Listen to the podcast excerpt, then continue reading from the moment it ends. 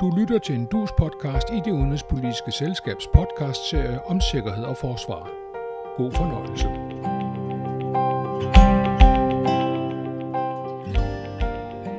Слава военно-морскому флоту России! Ура!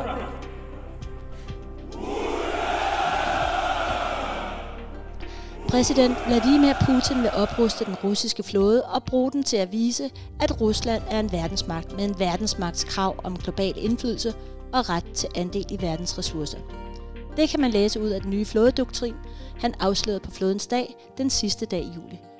Men hvad skal man egentlig lægge i, at den nye doktrin udnævner USA og NATO til Ruslands hovedfjender, og samtidig ser ud til at lægge større vægt på Arktis og Asien og lidt mindre på det atlantiske område? Og har han overhovedet penge og kræfter, som han har ambitioner? Det skal den næste halve times samtale handle om. Gæsten i dag er Johannes Riber, overlovskaptajn i Søværnet, phd studerende og militærforsker på Forsvarsakademiet. Af praktiske grunde er han med på en online forbindelse. Med er også vores faste podcaster, sikkerhedspolitisk journalist Tage Bagmænd. Velkommen til jer, og velkommen til alle jer, der lytter med. Jeg er Charlotte Flint Petersen, direktør for det udenrigspolitiske selskab.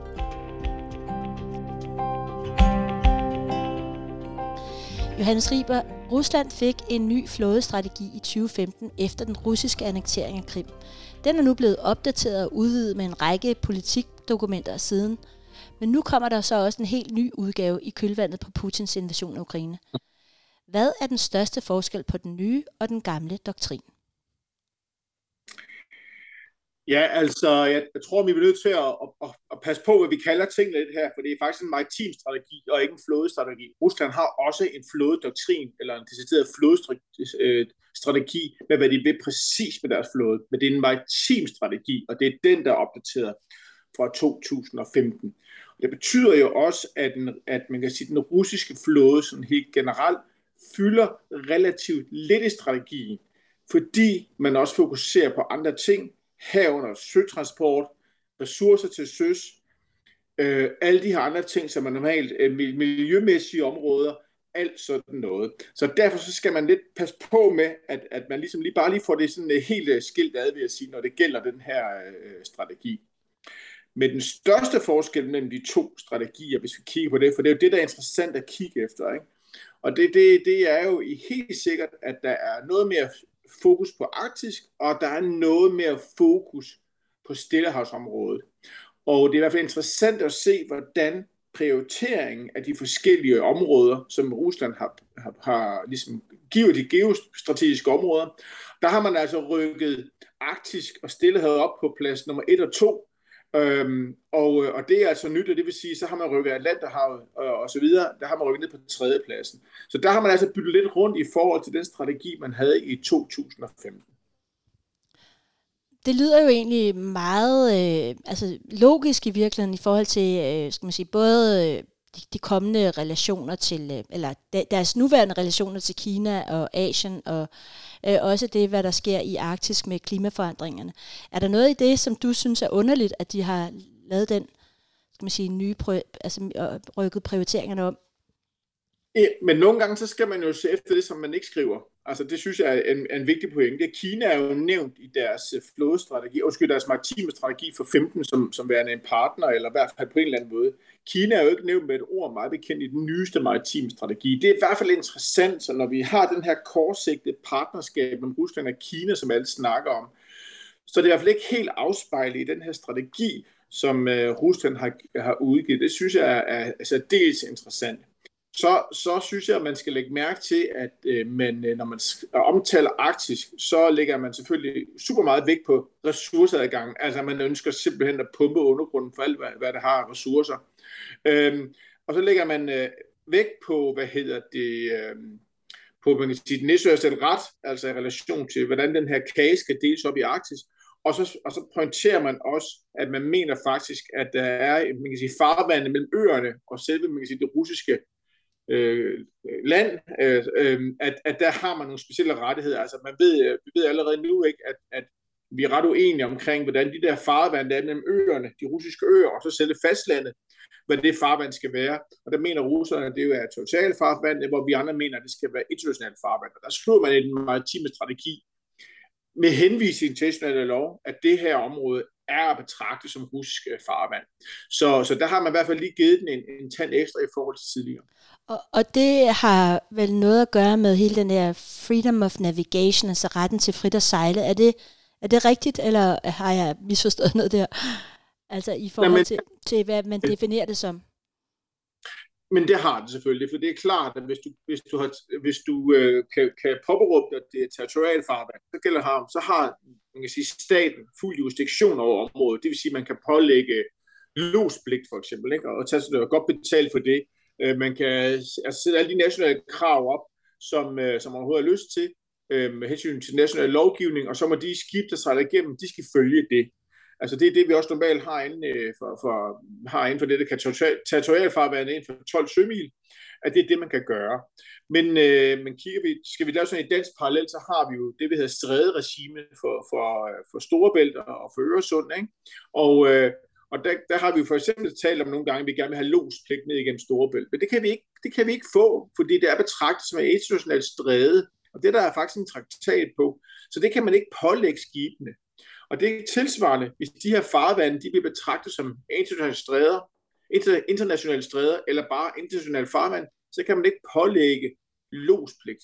Og det vil sige, så, så mister man selvfølgelig en masse penge på det her. Så det her det handler også om økonomi, så at sige. Men det er egentlig en gammel øh, uoverensstemmelse, der har været mellem Rusland og, og primært de andre arktiske lande, i relation til, at man kan påråbe sig det her. Tilsvarende har Kanada jo også et krav om farvandene mellem alle de øer, der ligger i den nordøstlige del af Kanada, ikke hvorvidt de er territorial farvand eller er betragtet som internationale stræder. Og det er noget, som kanaderne er rygende uenige med amerikanerne om, for eksempel.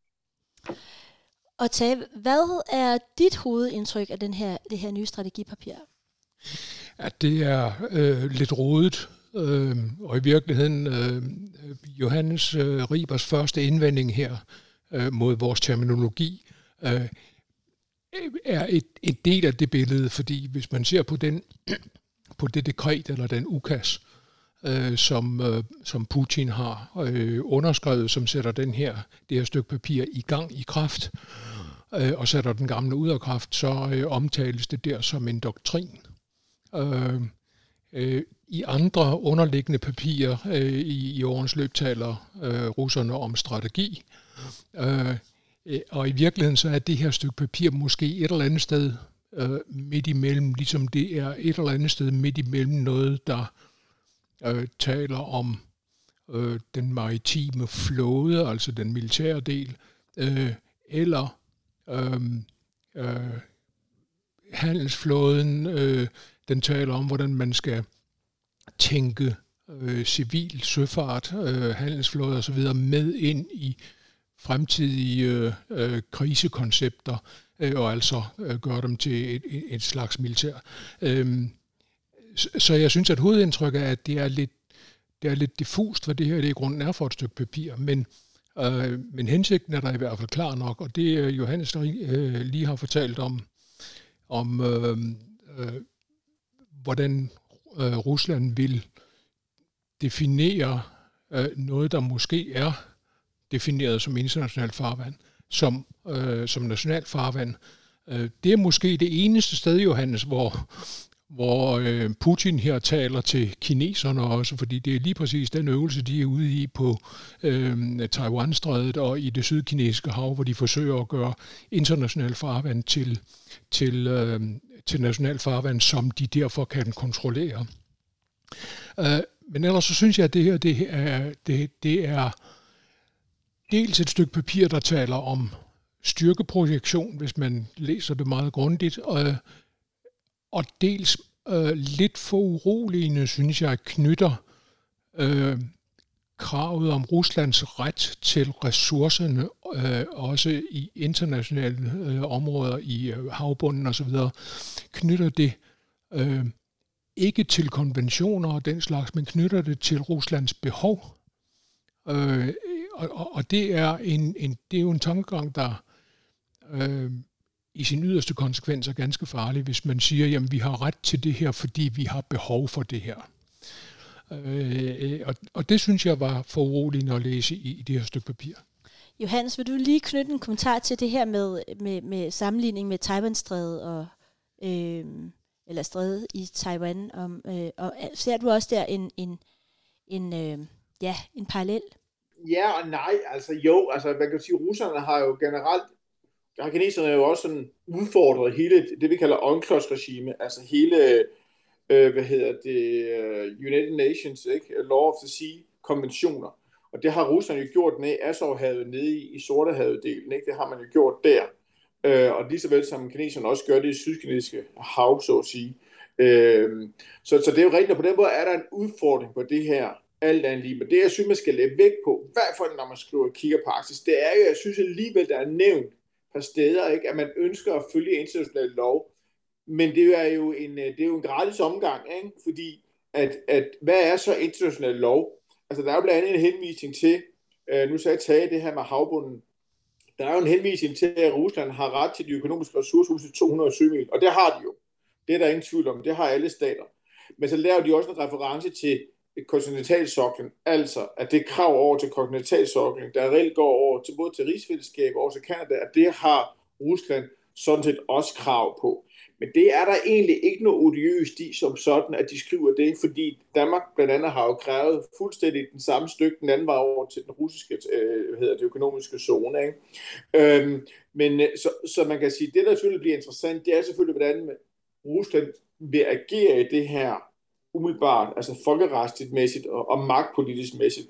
Og, og der hører jeg nok stadigvæk til på det hold, der siger, at her, lige præcis her vil russerne med undtagelse af de der stræder, der er over ved det russiske fastland, så vil russerne følge international lov, fordi det er russisk interesse. Og det handler simpelthen om, at hvis russerne begynder at udfordre international lov alt for meget i den her del af verden, så åbner man Pandoras æske. Så handler det nemlig lige præcis også om, at hvem kan så ellers gøre krav på, hvad hedder det, på hele det arktiske område. Det skønne ved, og det er jo det, alle de arktiske stater er enige med hinanden om, det er, at hvis vi kan følge FN's regler omkring deling af havbunden og, og vandsøjlen, om du vil, i det arktiske område, det skal vi følge, og det skal vi, fordi så holder vi alle de andre ude. Så hvis vi begynder at udfordre det regelkompleks fuldstændig, og fuldstændig ignorere det, så inviterer vi altså resten af verden ind og sige, ved du hvad, så vil vi skulle også godt have en bid af det her. Og her tænker jeg specielt på Kina. Øh, som har, har, har ekstremt behov for, for, for fisk og for, for protein til deres egen befolkning. Så, så der tror jeg simpelthen, at russerne vil holde sig i skinnet, fordi det er i Ruslands interesse at gøre det.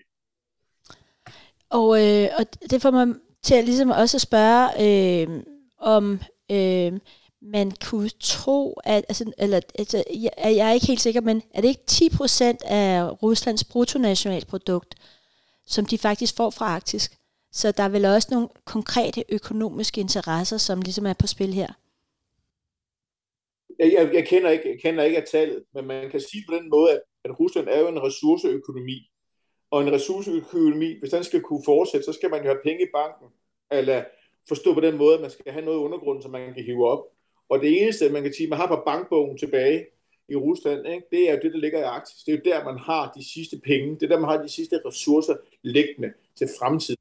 Så, så man kan sige, det som jeg synes måske, at, at strategien lægger op til, den her maritime strategi, er, at den proces skal der sættes noget mere fart på. Altså man skal simpelthen hurtigere i gang med at have pumpet nogle af de her ressourcer op, så man kan få pumpet nogle penge ind i den russiske økonomi.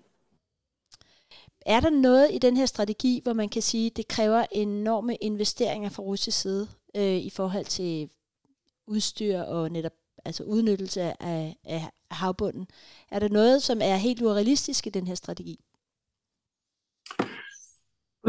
Ja, altså nu er det jo, nu er sådan nogle strategier jo generelt, de bliver jo sådan serveret i metermål, ikke? Så, så, så det er jo altid, der og, der, og der er et god klat øh, elastik i.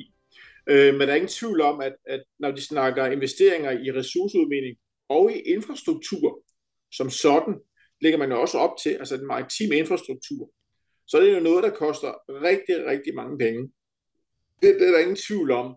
Og hvis man også gerne ud at fiske med moderne fiskeskib, man skriver på grund af helt, helt, det hele ens maritime sektor skal moderniseres fuldt og helt. Det er det, der, der fremgår af den. Ikke? Og det er klart, det koster jo piv mange penge.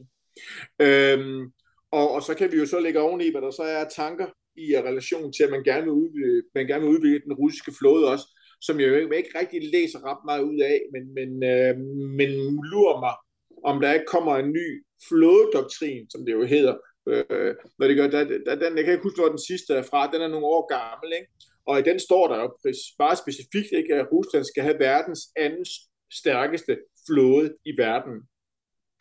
Så, så der er ingen tvivl om, at der er nogle flådeambitioner stadigvæk i Rusland, uagtet at øh, de er, har rigeligt at hygge sig med nede i Ukraine lige, øh, lige pt.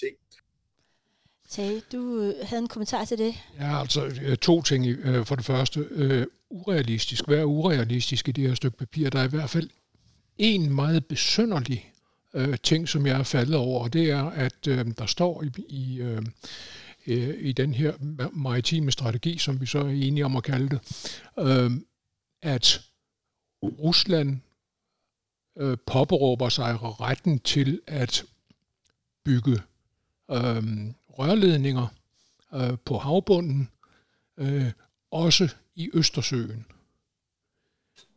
Og så er det, jeg læner mig tilbage et kort øjeblik og tænker, jamen, hvor vil de bygge de rørledninger hen? Øh, når man ser på et kort, så kan de måske bygge en rørledning fra Kaliningrad til, til St. Petersborg og ikke ret mange andre steder. Men læser man papiret igennem, så står der jo også gentagende gange i forskellige vendinger, at den russiske flåde skal være i stand til at være en enabler øh, for den her strategi, øh, og altså skal kunne håndhæve de, de øh, principper, som man vil lægge i den her strategi. Øh, og det tror jeg ikke rigtigt på, at den russiske flåde kan, som den ser ud i dag. Jeg læser det som, som om øh, ikke bare øh, 2030-papiret, men, men, øh, men som om der skal investeres ganske voldsomt, øh, både i, øh, i materiel og i, øh, og i mandskab for at få det her til at, at, at, at fungere. Øh, og der skal vel også på en måde et, skal vi kalde det et paradigmeskift i russisk tænkning til, øh, indtil for 10 år siden, eller, eller deromkring, der, der har hovedvægten ligesom øh, ligget på de, øh, øh på de russiske øh, nukleare øh, atombevæbnede ubåde, som hvad skal vi sige, det ultimative våben. Og man har måske forsømt øh, overfladeskibene en smule. Det ved Johannes garanteret mere om, end jeg gør. Øh, men, men i hvert fald så kan man da se, at øh, nogle af deres største slagskibe, øh, øh, krydser og destroyer osv., øh, ligger stadigvæk i dok og er ved at blive opgraderet og opmoderniseret. Det har de været i årvis. Øh, og, og man kan ikke have en ambition om at være den næst stærkeste, stærkeste flåde i verden øh, med, med det materiel, øh, Rusland har i øjeblikket. Øh, og når man så øh, hører øh, Vladimir Putin øh, lægge en spandkul ekstra efter ved at sige, at han vil også have 137.000 nye øh, landsoldater, øh, så kan man se, at det her det kommer til at koste nok betydeligt mere, end hvad Rusland har råd til. Men det er kun den ene side af sagen. Den anden side af sagen er, at Rusland er stadigvæk, ifølge nogle af deres egne indrømmelser, fuldstændig afhængig af øh, højteknologi fra Vesten for at øh, kunne gennemføre deres flådeprogram. Og det kan jo godt være, at det er blevet lidt sværere med, øh, med de sanktioner, der er lagt på ned øh, efter Ukraine-invasionen.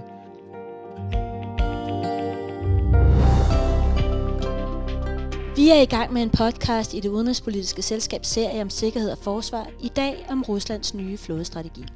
Dagens podcastgæst er forsker på Forsvarsakademiet, Johannes Riber.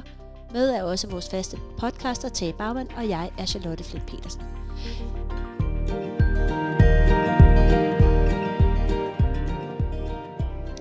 Johannes, hvad, hvad siger du? Altså dels uh, det, som Tage siger, at, uh, altså, at maritim strategi uh, har det her med, altså i virkeligheden så hører jeg faktisk meget lidt om Østersøen i det her. Det er jo interessant nok, at Østersøen ikke i hvert fald er, altså vi er Arktis, Asien, og at, at det transatlantiske er nedgraderet, men hvad med Østersøen, og øh, hvad, hvad er den e, reelle kapacitet i dag i forhold til, øh, til de her ambitioner?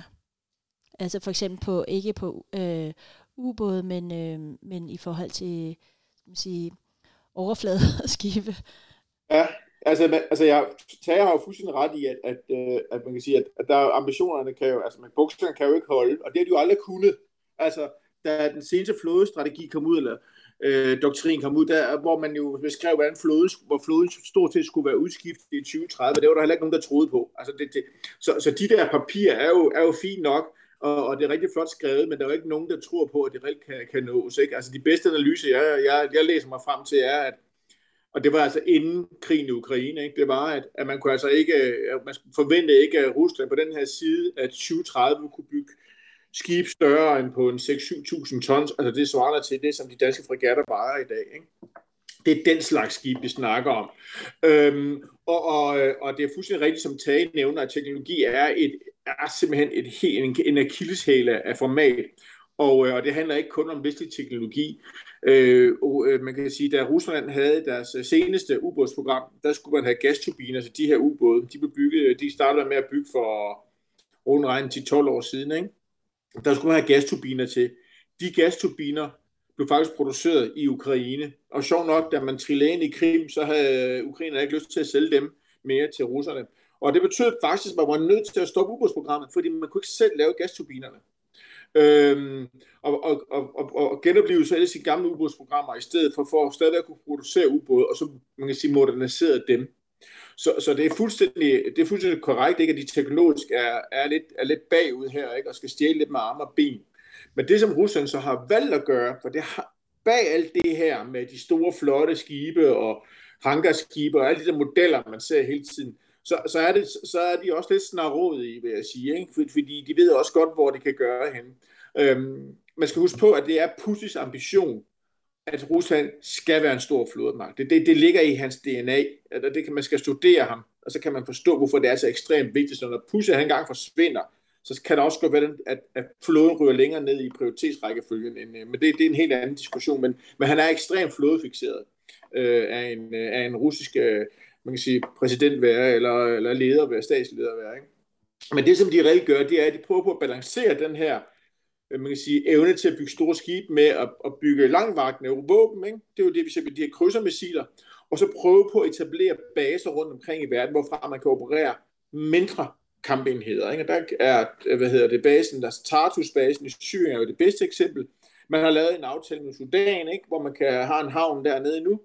Øh, og tilsvarende vil jeg også våge påstå, at russerne rigtig gerne øh, kunne tænke sig at få en base på kysten af Libyen, ikke? og det er en af, en af grundene til, at de sandsynligvis er involveret dernede, og kunne lave en aftale med at kunne have skib liggende der.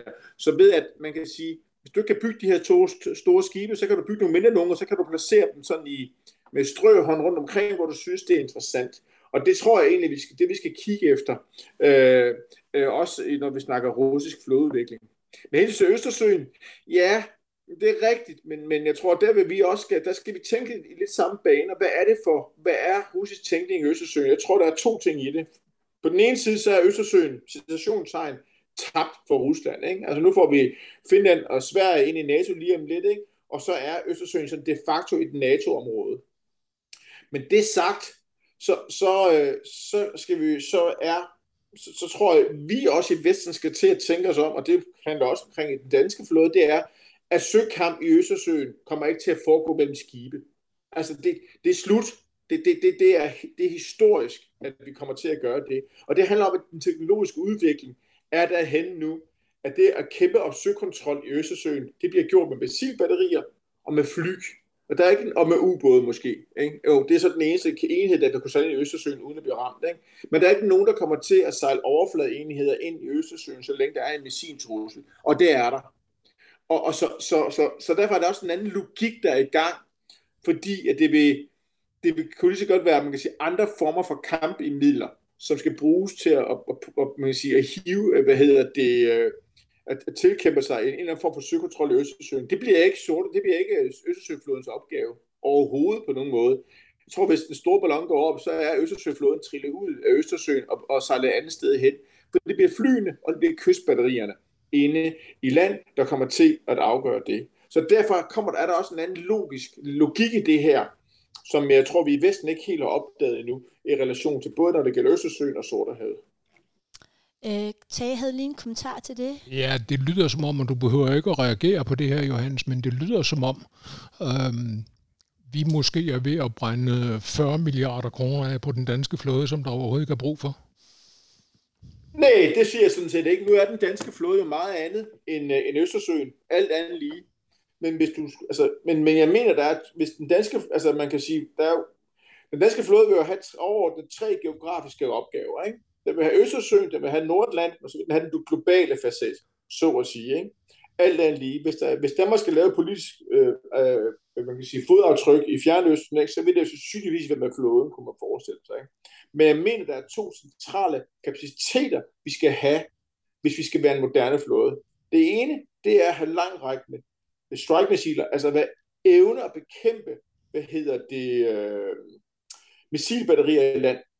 Øh, alt andet lige. Det, det er det helt centrale, for vi kommer ikke til at, vi kommer ikke til at sejle en konvoj ind til Baltikum med soldater og udrustning osv., hvis der står, hvis der er en missiltrussel fra Kaliningrad eller andre steder. Det gør vi simpelthen ikke. Det skal nedkæmpes, og det må man forvente, at den danske flåde skulle gøre, det det trods alt er vores egen baghave.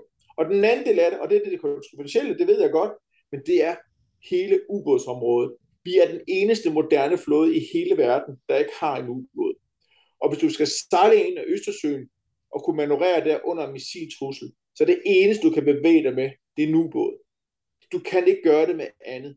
Og tilsvarende op i, hvis vi skal op og sejle op i det nordatlantiske område, under en eller anden høj missiltrussel, altså, så, så er det, kan du kun gøre det med ubåde. Jeg tror ikke helt, vi har erkendt, at de missiler, som Rusland har udviklet, der kan man ligge op i Norske havet, og vi snakker altså godt op i Nord-Norge, ikke? og så kan man på under, på omkring små 20 minutter, ikke? kan man ramme mål nede syd for Færøerne.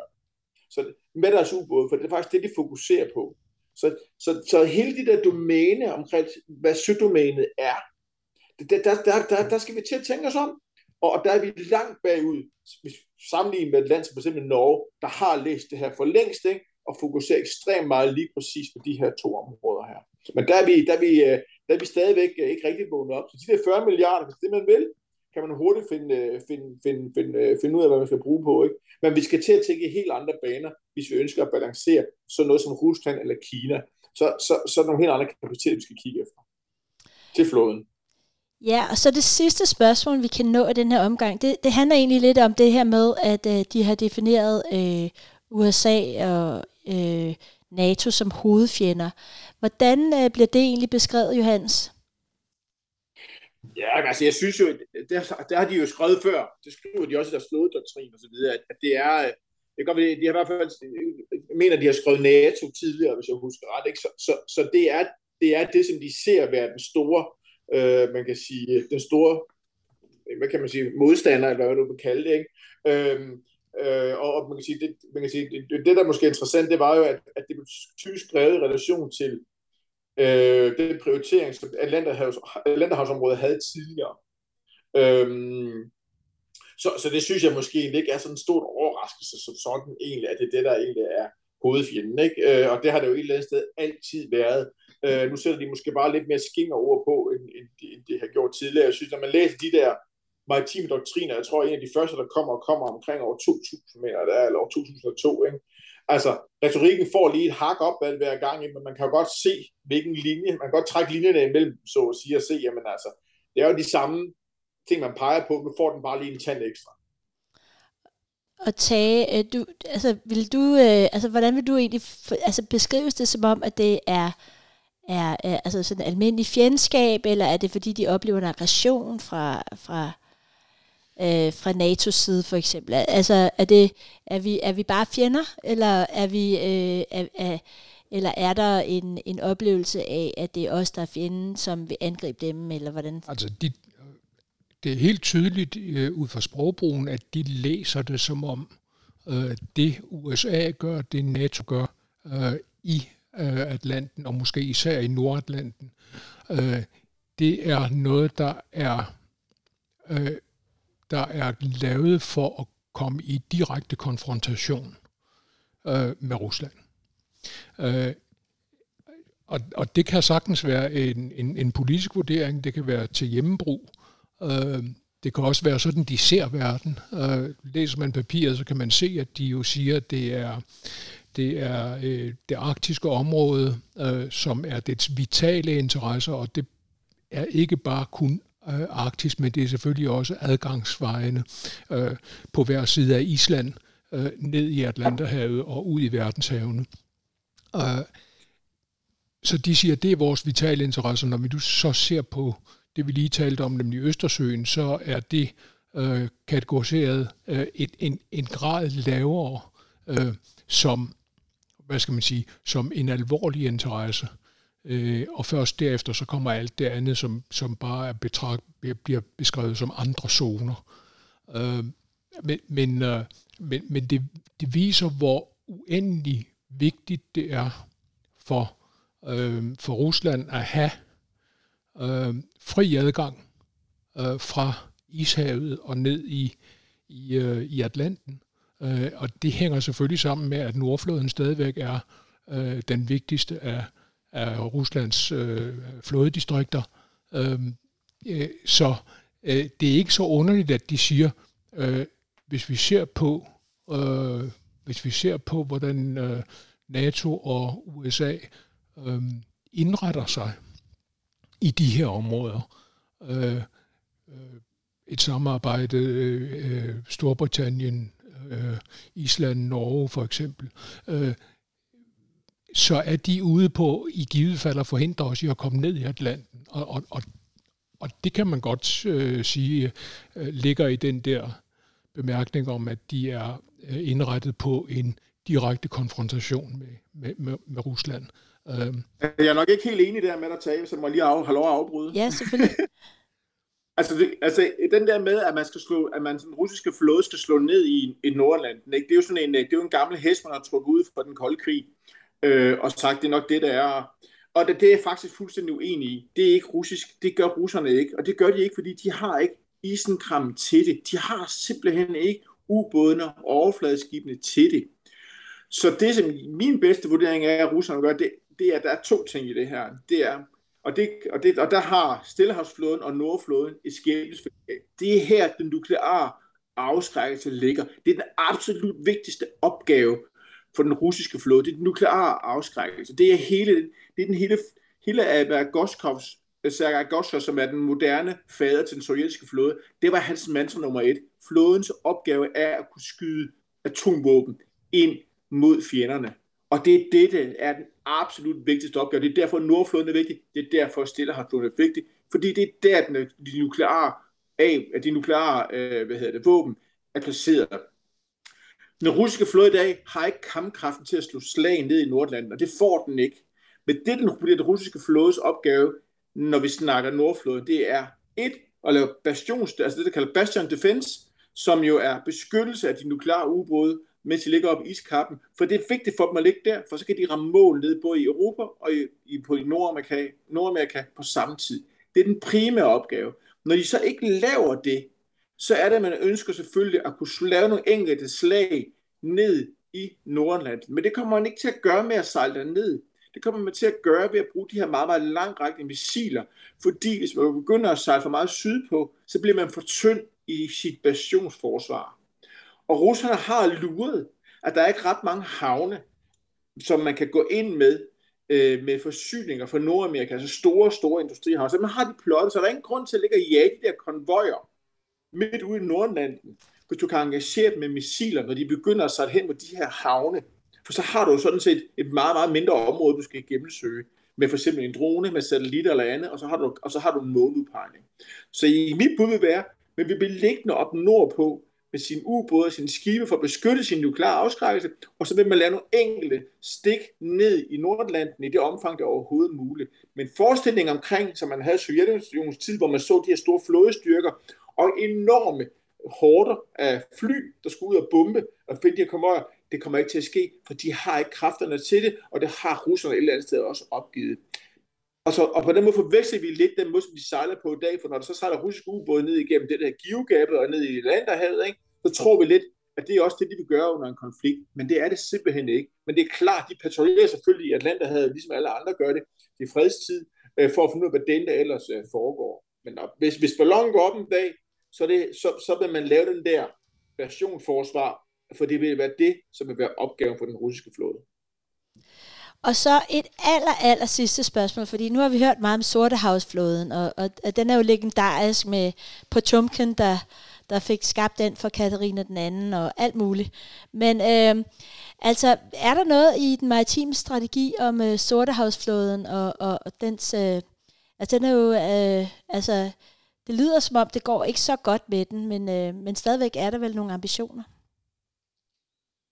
Altså Sortehavsflåden har jo generelt været relativt godt prioriteret gennem russisk, altså de sidste 10 år. Den, får, den har fået rigtig mange, den har fået relativt store investeringer. Specielt har man, har man givet den rigtig mange ubåde. Ikke? Øh, og den er faktisk den, der har været allermest deployeret, altså blevet allermest anvendt til forskellige operationer. Om det så har været til forsyninger til Syrien, til pirateribekæmpelse nede ved Adenbugten, og alle mulige andre steder, så er det typisk Sortehavsflåden, der, der gør det.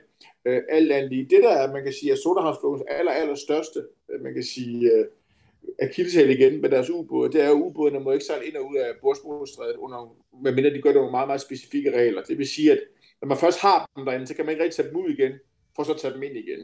Så, så der er nogle ret restriktive regler omkring øh, den del af det, men generelt har Sodahavsflåden fået relativt mange ressourcer, og noget flere, flere investeringer, end for eksempel Østersøflåden har, har, har fået, øh, alt andet lige. Men det er klart, de der øh, mindre flåder har jo ikke samme prioritet som for eksempel Sortehav, øh, som for eksempel Nordhavs, øh, Nordflåden har, og nok også dels Stillehavsflåden, fordi igen, det vigtigste opgave for den russiske flåde er og bliver den nukleare afskrækkelse. De toner fortæller, at vores tid er gået som sædvanligt alt, alt for hurtigt. Jeg er det udenrigspolitiske selskabsdirektør Charlotte Flint Petersen, og med i samtalen var forsker på Forsvarsakademiet Johannes Riber og vores faste podcaster, sikkerhedspolitisk journalist Tage Magmand. Tak til jer alle, og tak til alle jer, der lytter med.